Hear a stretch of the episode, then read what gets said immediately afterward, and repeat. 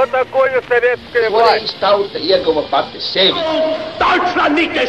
Liktenīgas nejaušības un slēptas likumsakarības, subjektīvas patiesības un objektīvi aizspriedumi.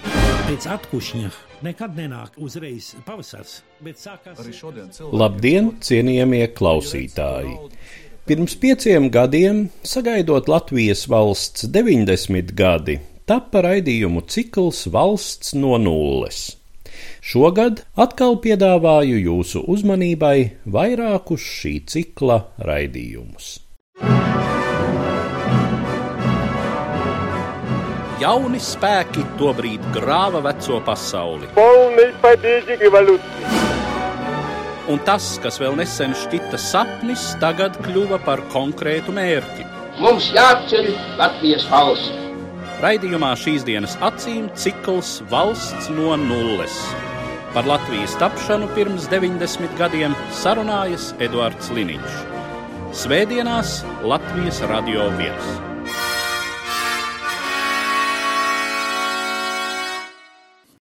Labdien, cienījamie klausītāji! Šodienas raidījums ciklā Valsts no nulles veltīts notikumiem Rīgā pirms 90 gadiem, proti tam, ko mēs Latvijas vēsturē pazīstam kā Bermontiādi. Mani sarunbiedri studijā šodien ir vēsturnieki Barba Ekmane no Latvijas kara muzeja un Valters Ščerbinskis no Latvijas valsts vēstures arhīva. Labdien! Labdien! Vispirms laikam būtu jāiezīmē tā starptautiski politiskā situācija, kas ļāva šeit izveidoties tādam spēkam kā Bermuda armijai. Jā, nu, skaidrs, ka 19. gada otrā puse topošai Latvijas valstī bija ļoti izdevīga starptautiskā situācija. Rietumu sabiedrotie, kas Pirmā pasaules kara bija uzvarējuši, būtībā meklēja sev potenciālus sabiedrotos šajā reģionā. Par tādiem nevarēja kļūt lielnieciskā Krievija, saprotam iemeslu dēļ, par tādu nevarēja kļūt arī Vācija, kas tikko bija karu zaudējusi. Tieši tādēļ rietumu sabiedrotie ļoti pozitīvi raudzījās uz jaunajām neatkarīgajām valstīm, kas var- varēja veidot zināmu placdarmu, drošības joslu pret tātad no vienas puses lielniekiem un no otras puses uzcenējiem ienaidniekiem vāciešiem. Jā, un veidot arī tādu buferu joslu starp šiem diviem spēkiem. Tieši tā, tieši tā. Tieši tā. Un neapšaubām šie meklējumi Londonai, Parīzei uh, bija divos virzienos. Viens virziens tātad šīs jaunās neatkarīgās valstis, bet no otras puses rietumu lielvalstis nebūtu nebija atmetuši cerības par to, ka kaut kas varētu mainīties arī pašā Krievijā. Un tādēļ uh, vēl 19. gadā ļoti aktīvi rietumu sabiedrotie atbalstīja dažādas Krievu balto kustības. Es varu piebilst to, ka lielinieku kārtas izspēlēšana arī ir tā, kas lielā mērā ietekmē 19. gadā vasaras otrās puses notikumus šeit. Kas kur atbalstīs, kas kur neatbalstīs. Visu laiku ir jāatcerās, ka aiz muguras ir šī lielnieciskā Krievija un kādi ir rietumu valstu plāni attiecībā uz šo režīmu. Bet runājot par šo starptautisko kontekstu, neapšaubām šī globālā politika ir viena lieta, bet tieši šajā laikā ļoti svarīgi bija starptautiskās attiecības arī jauno valstu vidū. Šīs valstis sāk veidot savu ārpolitiku, Latvija sāk veidot attiecības ar Igauniju.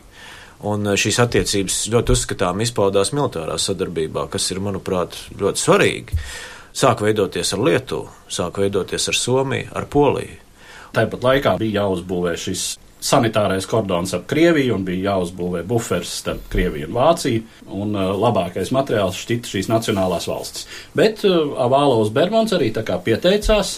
Kā arī viņš kā varētu būt vērtīgs uh, spēks vai vērtīgs sabiedrotais tam pašām Antantas valstīm. Lai gan vispār runājot par Avālo Bermontu, mazliet par viņa personību. Kas viņš ir par subjektu? Jā, tas tāds apzīmējums subjekts, uz viņu varētu attiekties diezgan labi. Nu, viņš ir bijušās cariskās Krievijas armijas virsnieks par viņu dienestu pakāpi. Tur vēsturnieki vēl strīdās, kā viņš pie šīs pulkveža dienestu pakāpes ir ticis, cik viņš to sev ir piešķīris pats, cik viņš to ir saņēmis. Lai darbotos Baltijā, viņš netik daudz saņēma šo te Antants valstu atbalstu, cik viņš patiesībā nāca kā Vācijas atbalstīta persona. Tajā laikā Vācijā bijušo Krieviju karagūstekņu nometnēs pamazām sāka veidot šīs grupas, kas būtu ar mieru karot pret lieliniekiem Krievijā. Bermons bija tas, kurš piekrita sadarboties ar Vāciju, un viņam attiecīgi arī tika pakļautas visas šīs grupiņas, kas tika izveidotas dažādajās nometnēs. Kopā uz Latviju viņi atbrauc 19. gada jūnijas sākumā, un tie ir aptuveni 4-5 tūkstoši cilvēku. Skaidrs, ka viņa biogrāfiju nav līdz galam daudz lietas skaidrs, un var diskutēt, un meklēt un noskaidrot, kas viņš īsti bija. Filmas Rīgas sarga ietekmē rodās tāds nepareizs priekšstats, kā mans kolēģis un ievērojams eh, neatkarības kara vēstures pētnieks Eriks Jākapsons intervijā ir minējis, ka Rīgas sargos Bermons Ovālos ir parādīts kā tāds plānprātiņš. Nu, skaidrs, ka viņš nebija plānprātiņš. Viņš tomēr spēja savākt, norganizēt šo karaspēku un, un īstenot šo kardarbību pret Latvijas pagaidu valdību. Jautājums, protams, ir par to, cik lielā mērā viņš bija strateģiski pareizi šo lietu izplānojis. Bet katrā ziņā tas bija cilvēks, kuru par galīgi marginālu personu mēs nevarētu uzskatīt. Nē, nu, ja mēs runājam vispār par 20. gadsimtu vēsturi, tad pie varas nonāk un varu ļoti sekmīgi vismaz kādu laiku realizē cilvēki, kuri tiešām eh, izteiktām domāšanas, eh, ja ne vispār psihiskām īpatnībām, nu, teiksim, Adolfs Hitlers ir spilgtākais piemērs, un es teiktu, ka Vālaus Bermans varētu būt šādas ievirzes personība. Grūti teikt. Hitlers, līdzīgi kā citi totalitāri vadoņi, viņiem ir piemitusi harizma, milzīga harizma spēja mm. piesaistīt sev sekotājus. Es nedomāju, ka varbūt Bermontam pat bija tāda iespēja kaut ko līdzīgu darīt, jo viņa auditorija pamatā bija šīs šaurās balti emigrantu un vācu kaut kādas grupas, kurām pašām bija savs ļoti izteikts intereses, kas sakrita Bermonta interesēm. Bermontam nebija iespēja uzrunāt civiliedzīvotāju pūļus un aicināt sekot viņam un tā tālāk. Tā kā tā situācija bija savādāka. Runājot par to, kā tad Bermons sevi pozicionē, no vienas puses viņš dod tādus signālus Antantei, ka viņš ir Krievu Baltās kustības sastāvdaļa, un viņu arī šie rietumu sabiedrotie uzskata kā potenciālu ģenerāļa Juģēņiča Krievu ziemeļrietumu armijas sastāvdaļu, proti Juģēņičs operē Igaunijas ziemeļaustrumu rajonos un pie Petrogradas. Katrā gadienā arī tiek uzturēts sakars starp šiem diviem uh, štābiem. Un uh, Latvijas valsts vēstures arhīvā ir saglabājusies vismaz daļa no tās sarakstes, kādā veidā tiek organizēta šī sadarbība. Tā kā principā viņš skaitījās šajā Judeniča armijā, tikai praktiski viņš nepildīja to, ko viņam it kā šis ģenerālis uzdeva. Tas arī noveda pie pilnīgi oficiāls Judeničā atteikšanās no sadarbības ar Bermudu. Jā, Dēničs izsludināja par nodevēju. Šī kārtas, kas faktiski startautiskā kontekstā bija tā stiprā kārtas, bija šī Balto Krievu lozungs. Mēs esam par atjaunotu Krieviju pret lielniekiem.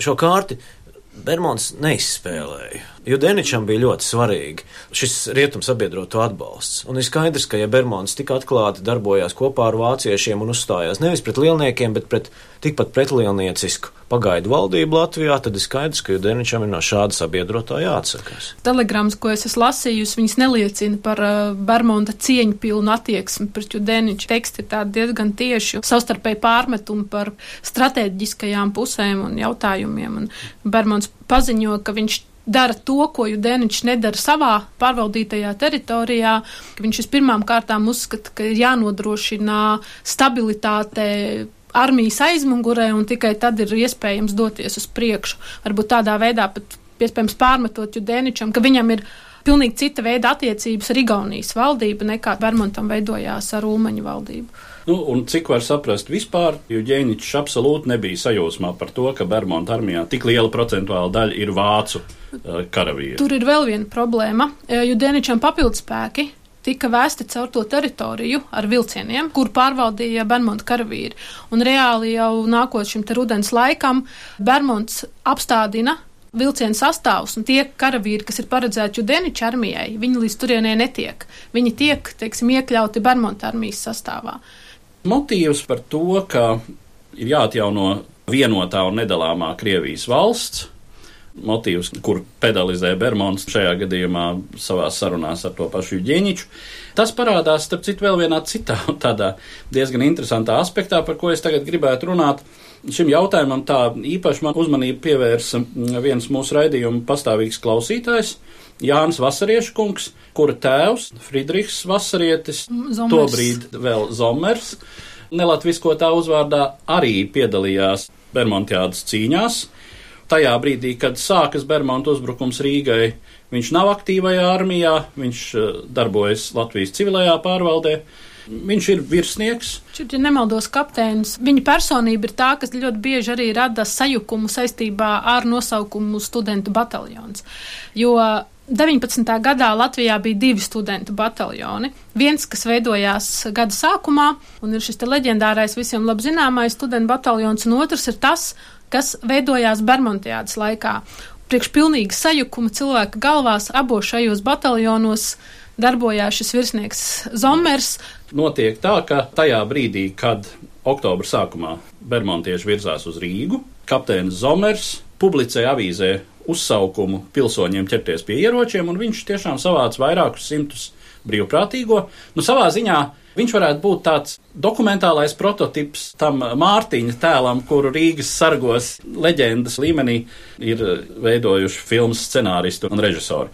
Šie brīvprātīgie daļu izdodas arī apbruņot, un tad viņi nonāk pārdaugavā tajā brīdī, kad. Šmiteļas fabrikā. Jā. jā, kad Bermonta armija tuvojas, un Zomers ir liecinieks dažām sarunām štābā, cik var spiest no atmiņām, liecinieks tam brīdim, kad uh, pulkvedis Zemitāns dod pavēli atstāt pārdaugavu un atstāt vispār Rīgu, atvelkot spēkus līdz jūglas aizsardzības pozīcijām. Un Zomeram šķiet, ka. Tas nav tikai tā, ka Zomeram šķiet, tur ir iesaistīta virkne virsnieku, kas iesaistās tieši šajā Daugavas krastā nostiprināšanā un parāda to vēlmi aizstāvēt Rīgu, neatstājot pilsētu, teiksim, pretinieka rokās. Tur vēl ir arī runa par pulkvedu leitnantu bruņinieku, kurš komandē no karaskolas kadatiem saformēto rotu. Katrā ziņā šis periods ir, manuprāt, pats interesantākais Bermontiādas laikā, tīri no mūsdienas raugoties, jo šeit ir divas dramatiskas lietas, kuras īsti, teiksim, atkal mēs atsaucamies uz šo filmu, bet filma ir liels notikums Rīgas sarga. Daudz arī redzējuši un, un zina. Ir divas dramatiskas lietas, kuras varbūt nepietiekami spilgti ir izgaismots filmā. Pirmais ir tas juceklis, kas valdīja, zināms juceklis Latvijas uh, armijā.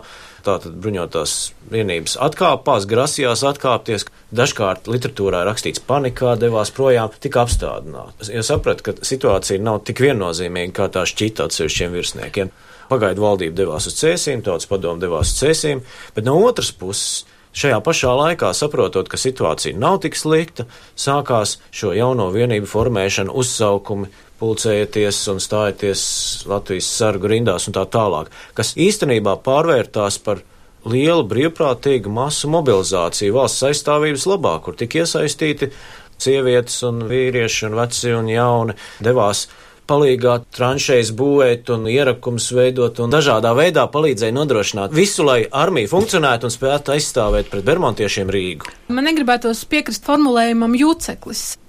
Ir jārēķinās ar vairākām lietām. Pirmkārt, Latvijas armija tajā brīdī atrodas formēšanas stāvoklī. Un tas karavīru skaits, kas reāli ir novietots Rīgas pievārtē, kuras uzdevums būtu apturēt pretinieku neielaižot viņu Rīgā, pirmkārt, skaitliski ir neliels, otrkārt, vismaz sestais Rīgas kainieku pulks ir pilnīgi jauna vienība, kurai Bermontiāda būs ugunskristības. Pulks, kas ir sastādīts no visdažādākajiem cilvēkiem, līdz pat tādam variantam, ka tur ir ieskaitīti tie virsnieki, kas pārējos pulkos ir atzīti par uh, darbībai nederīgiem.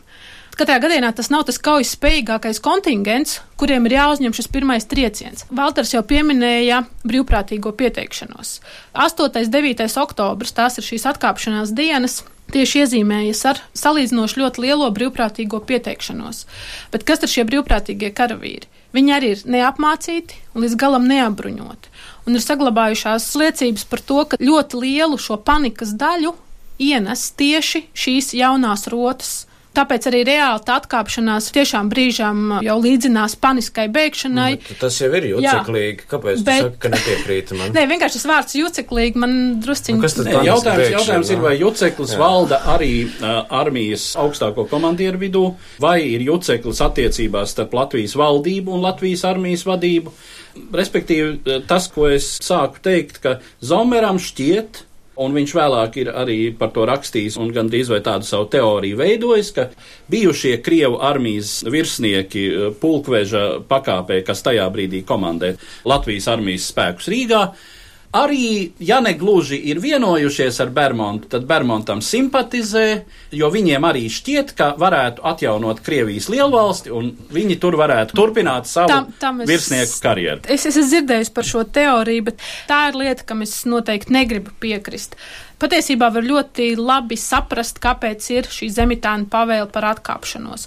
Pirmkārt, labi lietosim šo vārdu juceklis, un tas ir, eh, kad ienāk ļoti dažāda informācija par to, kas notiek pārdaugavā, līdz pat ziņojumiem par to, kā barmontieši ir redzēti jau pie Daugavas vai tur Torņa kalnā. Tajā situācijā reāli jau šie daži tilti arī ir šī vienīga atkāpšanās iespēja. Plus, vēl, teiksim, arī no Daugaugrības ar kuģiem vēlāk cēlu pāri.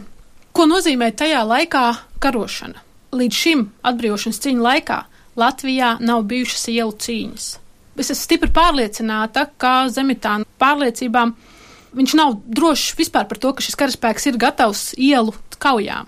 Ielu kaujas tas ir milzīgi zaudējumi, tas ir milzīgi postījumi, tas ir milzīgi zaudējumi civiliedzīvotāju vidū. Un Ja ta- mēs atceramies, teiksim, otrā pasaules kara pilsētas, kurās notika Jā, reāls jā, ielu jā. Jā, bet Un, un, jautājums, un šī te jūglas līnija, tas ir nocietinājuma līnija, kas jau ir gatava. Barba ļoti aizstāv Nē, es Zemitāna neaizstāvu nostāju. tādā nozīmē. Es domāju, ka šeit varbūt nav jautājums par to, ka, teiksim, viņš ļaunprātīgi vai apzināts muļķības dēļ, bet drīzāk, es domāju, šeit, pieredzes šeit jautājums. ne, es nedomāju, ka varbūt tas, Tas- tas ir pieredzes jautājums, tas ir drīzāk komunikācijas izlūkošanas problēma. Zemitāna rīcībā, Latvijas armijas virsnieku rīcībā nebija acīm redzot pietiekama informācija par to, cik spēcīgi, cik tālu grasījās doties šī bermotiešu karaspēka daļas. Viņi nespēja novērtēt adekvāti, vai ir iespējams pretoties, vai ir iespējams viņus apstādināt. Un, un šeit, protams, zinām, atbildība jāuzņemās šiem virsniekiem. Es nekad neesmu esmu apšaubījusi to, par ka ir jāuzņemās atbildība, bet es nevarētu piekrist, ka nav informācijas par šo pretinieku. Tā informācija ir salīdzinoši laba, spriežot pēc dokumentiem, bet ļoti atšķirās tā informācija, kas ir reāla armijas štābā un šo augstāko virsnieku rīcībā, no tās informācijas, kas tiek sniegtā vienību komandieriem. Un tas ir tas, kas man izraisa lielāko izbrīnu, kāpēc Zemitāns ļoti apzinātā veidā lika teikt karavīriem, ka pretinieks nav kaujas spējīgs. Jo Latvijas armijas virsniekiem tiek uzdots teikt karavīriem, ka pretiniekam nav patronu, ka viņiem praktiski nav artilērijas, ka viņiem nav artilērijas šāviņu. Ne vācu, ne krievu daļas patiesībā pret latviešiem karot nevēlās, ka krievu daļas masveidā padosies gūstā, ka starp vācu un krievu daļām savstarpēji valda ļoti liela neusticība. Vienkārši man līdz galam nav skaidrs, kāda ir bijusi zemitāna motivācija izplatot šāda veida informāciju. Tas ir tas lielākais jautājums, kas man šobrīd ir saistībā ar tiem notikumiem un zemitāna rīcību. Un ir vēl viens jautājums šai sakarā. Tas aspekts, kurā vasarietim var lielā mērā piekrist, ir tas, ka jaunās valsts galvaspilsētas atdošana ienaidniekam. Tas Kritisks. simbols, Tas- tas ir, jā, simbols, protams. Tas ir neapšaubām, Protams. tas ir simbols, kas nav jau runa par to, ka valdība atrodas cēsīs vai tautas padoma atrodas cēsīs un Rīgā, teiksim, neatrodās vairs šie augstākie valsts vadītāji. Runa ir tieši tā, kā jūs teicāt, tas ir ļoti simbolisks akts. kuru nenovērtē, Jā. es pieļauju, Zemitāns kā tīri jā. militāra persona, domādams jā. tīri militāri, taktiski tajā brīdī, kuru novērtē Zomers. Cilvēks acīm redzot ar drusku plašāku skatījumu tajā brīdī, un, Atcerēsimies, ka Zomers rakstīja šīs atmiņas Vēl- pēc notikumiem. bet jautājums ir par rupī runājot Ulmani, jo tas ir valsts vadītāja līmeņa jautājums - atdot vai neatdot galvaspilsētu. Tā atbilde, protams, kā vienmēr uz šādiem jautājumiem nevar būt vienkārša. To filmu Rīgas sargi redzēja, bet kādu laiku atpakaļ. Un eh, viena aina man stāv prātā, un daudzas lietas, teiksim, kā vēsturniekam, kā cilvēkam, kas ir pētījis šo laikmetu, liekas nesaprotam, vai tiešām nevarēja kaut kā to filmu uzņemt tā, lai tas vairāk atbilst vēsturiskai patiesībai. Bet viena Varēja, aina bet stāv- negribējās. Uh, viena aina stāv, un tā ir Ulmans uz tilta. Ar atcer- pudeli? Ar šņabu pudeli, jā, Jā. jā, kur pienāk Jāņa Reņģa tēls. Uh, Mārtiņš. Mārtiņš pienāk klāt un liela pudeli piedāvā, nu iedzersim. Nu, Saka, man šodien kāzas. ņemsim un aizsargāsim. Tur bija, man liekas, tā, ka, nu, ņemsim un aizsargāsim to Rīgu. Izlēma divi vīri. Jā, veģis sabīdīja. Jā, jā, bet uh, ir skaidrs, ka tās norises notika ļoti ātri tajā laikā, un komunikācijas iespējas bija ierobežotas. Tas ir viens, kas neļāva varbūt ļoti ātri pieņemt pareizus lēmumus. No otras puses, es domāju, ka uh, Ulmans un pagaidu valdība lielā mērā uzticējās bruņoto spēku vadībai. Šī militārā kompetence bija ļoti nodalīta, un faktiski visa neatkarības kara laikā tāda tieša valdības mm. iejaukšanās militārās lietās nemaz nav rodama. Tas, ko darīja pagaidu valdības vadītājs, Ulmans bija viss cits, bet tikai ne militārais. Ar militāro nodarbojās cilvēki, kas šķietami to saprata vislabāk, kas zināja, kas plānoja militārās operācijas un tā tālāk. Kas ir būtībā Jā. labi un pareizi, jo tas ieliek to stingro tradīcijas pamatu. Latvijas armija ir politiski neitrāla, kas ir uh, ļoti būtisks līdz pat mūsu dienām. Tātad militārās un politiskās varas strikts dalījums. Jāsaka gan, ka es tagad nepateikšu precīzu datumu, bet tieši saistībā ar Bermudiādas sākumu Ulmans uzņemās arī apsardzības ministra amatu, kas it kā viņam palīdz būt vairāk iesaistītam, bet tas tā patiešām ir, ka praktiski vienīgā viņa iesaistīšanās tiešā veidā tas ir viesošanās pie karavīriem, tajā skaitā arī 14. un 15. oktobris, kad ir vēl viens tāds mazliet kritiskāks brīdis, kad Ulmans aiziet uz Daugaumalu, pats arī ģērbies karēvja formstērpā, Ulmans gūst arī vieglu, gan, bet ievainojumu tieši šajā vizītes laikā. Bet uh, ir skaidrs, ka Bermudiānas laikā notikumi mainījās ikdienas, un taktiskie lēmumi bija jāpieņem ļoti ātri, ļoti konkrēti lēmumi. Tad pašā laikā Ulmans arī, būdams ministrs, veica, nu, ne tikai, protams, viņš viesojās, bet arī, teiksim, organizēja visu šī apgādi, šī armijas politiskais nodrošinājums, šis startautiskais konteksts bija valdības rīcībā, valdība to darīja. Vispār komentējot šo situāciju, kā man tā šķiet, no vienas puses ir zināms dažas dienas vai varbūt nedēļu ilgs apmulsuma moments. Eh, nu, tā lielākā neskaidrība tas ir 8, 9, 10, 10. Jā. oktobra rīts. No rīta pēdējās Latvijas armijas vienības čērso Daugavas tiltus, paceļamie posmi, Daugava ir kuģojama, tilti ir paceļami, eh, tiek pacelti un reāli Daugava tiek izveidota par frontes līniju. Ja mēs paskatāmies, tad pretuzbrukums 15. oktobris patiesībā ir ļoti ātri. Jā. Tas parāda to, ka nav ilgs šis pārdomu brīdis, ko tagad darīt. Pozitīvi ir vērtējama vēlākā ģenerāļa Pētera Radziņa ierašanās kuru atrod ārpus Latvijas Zigfrīds Anna Meirovics, atved, viņš kļūst par uh, štāba priekšnieku, un viņš ir reāli tas cilvēks, kur vadībā tiek plānot šīs pretuzbrukuma operācijas. Latvijas armija beidzot ir ieguvusi tiešām labu stratēģi. No otras puses, tajā brīdī ļoti būtisks tautas entuziasma, cīņas gatavības, es teiktu, uzbangojums, kas tiešām varbūt ir tas, kas filmā Rīgas sargi ir vienīgais adekvātais, ka entuziasma uzliesmojums un cīņas gatavības uzliesmojums patiešām bija tajā brīdī.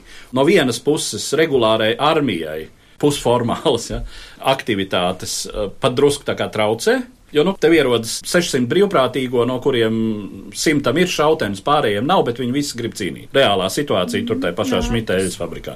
Kur viņus likt tiem virsniekiem? Ja? Savukārt šie cīnīties gatavie cilvēki jūtās drusku tā kā pievilti, ka viņus tūlīt nesūta kaujā. Ir atkal zināms kaut kāds laika periods, kad tas viss nonāk zināmā sazobē un kad šis neformālais entuziasms un, un cīnīties gatavība tiek iekļauta konkrētā armijas militārajā mašinērijā, un tad tur gūst savu pielietojumu. Teiksim tā, katram virzienam, kas vēlas piedalīties, tiek atrasta tā vieta, kur viņš vislabāk ir noderīgs. Tas tiešām ir laiks, kad var teikt, ka ir vislielākais tautas atbalsts armijai. Bet uh, tas ir ļoti interesanti, teiksim, salīdzināt, paskatīties gadu atpakaļ, 18. gada 18. novembris. Mm. Kāds izskatās 18. novembris un pieņemsim 11. novembris pēc gada? Kā ir mainījusies? Kāda ir radikāli atšķirīga Jā. attieksme pret pagaidu valdību, pret Latvijas valsts, cik radikāli viss ir mainījies. Un acīm redzot, šeit ir ārkārtīgi daudz faktoru, kas ir ietekmējuši šīs izmaiņas. Armijas sekmes, valdības sekmīgā darbība, propagandas darbība, pārliecināšanas darbība, gan arī valsts institūcija veidošanās fakts. Un likumsakarīgi, ka novembrī, kad vajadzēja aizstāvēt Rīgu, tik tiešām cēlās gan sievietes, gan vecāki vīri, tautas padomas deputāti pieteicās aizsargāt Rīgu. Ne jau tas, ka šādā veidā tika palielināta militārās iespējas, bet gluži simboliski tauta. Tādā veidā izveidojās Latviešu sieviešu palīdzības korpus kurš pārņēma lielā mērā kaut vai vienkārši karavīru barošanu. izveidojās zelta fonds, kas vēlāk veidoja pamatu Latvijas valsts zelta fondam kā tādam. Ja atmiņa man nebija, tad ir arī tas fakts, ka kā simbolisku žestu Latvijas valdība. Ulmans skaitās studentu bataljonu kareivis. vēlāk Jā. jādišķi. Tāpat šis ir laiks, kad arī dažādas politiskās partijas pārvērtē savu attieksmi pret Latvijas valsti, piemēram, sociāldemokrāti. Kur attieksme? Kuru- Maigi izsakoties Jā, neviennozīmīgi. jā. Permoteāts laikā no sociāldemokrātiem tiek izveidota rota, kuras viens no komandieriem ir Bruno Kalniņš. Vēlākais politiķis, un šī rota pēc tam tiek ieskaitīta 8. Daugopils kainieku pulkā kā trešā rota, bet kas reāli veidojusies no šīs vienas politiskās partijas biedriem, kur mainās arī šo cilvēku attieksme. Cilvēki, kas reāli uzvelk šo formu stērpu, paņem ieroci un iet un dara, nevis tikai runā, jā, politiskā līmenī. Kur jāsaka, man laikam ir vēlreiz, ko es jau esmu darījis, jāpārmet filmas Rīgas sargu veidotājiem. Tie ir lielākie un, un vienīgie tādi, nu, būtiski pārmetamie mēli šai filmā, ka Latvijas valdība tajā brīdī ir parādīta kā kaut kādu, nu, piedodiet, eh, tirliņu un idiotu bariņš, kas ir šīs filmas veidotāja nepārprotama attieksme pret šī brīža Latvijas valdībām, pret šī brīža Latvijas politiku, un tad tā tiek pārnesta uz to brīdi, ja to brīdi Latvijas valdība būtu tāda. Tad nebūtu tās Latvijas valsts. Es tikai par vienu lietu brīnos. Man nav iespējams pavaicāt šo filmu veidotājiem, tādēļ es vaicāju šeit, kādēļ nebija iespējams izveidot lielisku, episku filmu, kas parādītu visas šīs svarīgās norises Latvijā no vienkārši ierindas cilvēku pozīcijām. Jā. Nemainot neko vēsturiski, neizgudrojot kaut kādus absolūti nepieņemamus manā izpratnē stāstus par valdību, par niedru, kas netiek saukts vārdā un tā tālāk. Diemžēl šī tendence, traktējot vēsturiskus sižetus Latvijā, ir. Un tā turpinās. Mēs atkal tagad runājam jau par mūziklu vadonis, kur arī ir mm, nepārprotami skaidrs, ka šī brīža Latvijas politikas problēmas un šī brīža Latvijas politikas izjūta tiek pārcelta uz vēsturiskiem sižetiem. Pieļauju domu, ka tas ir lielā mērā saistīts arī ar šo Latvijas sabiedrībā valdošo domu, ka par vēsturi var runāt jebkurš, jo mēs taču visi visu ļoti labi zinām. Tad šis te izteiktais subjektīvisms tiek pārnests un, un ieviests Jā, visdažādākajās par vietās. vēsturi var runāt, jebkurš, protams, un ir jārunā visiem un jādiskutē, bet jautājums nevis, teiksim, par runāšanu, bet par miljonus laikam bija. Par t- šādu lielu budžetu filmas, kas ir, es esmu par abām rokām kājām, par filmu uzņemšanu labu, sliktu, bet mums vajag, lai šis process strādā.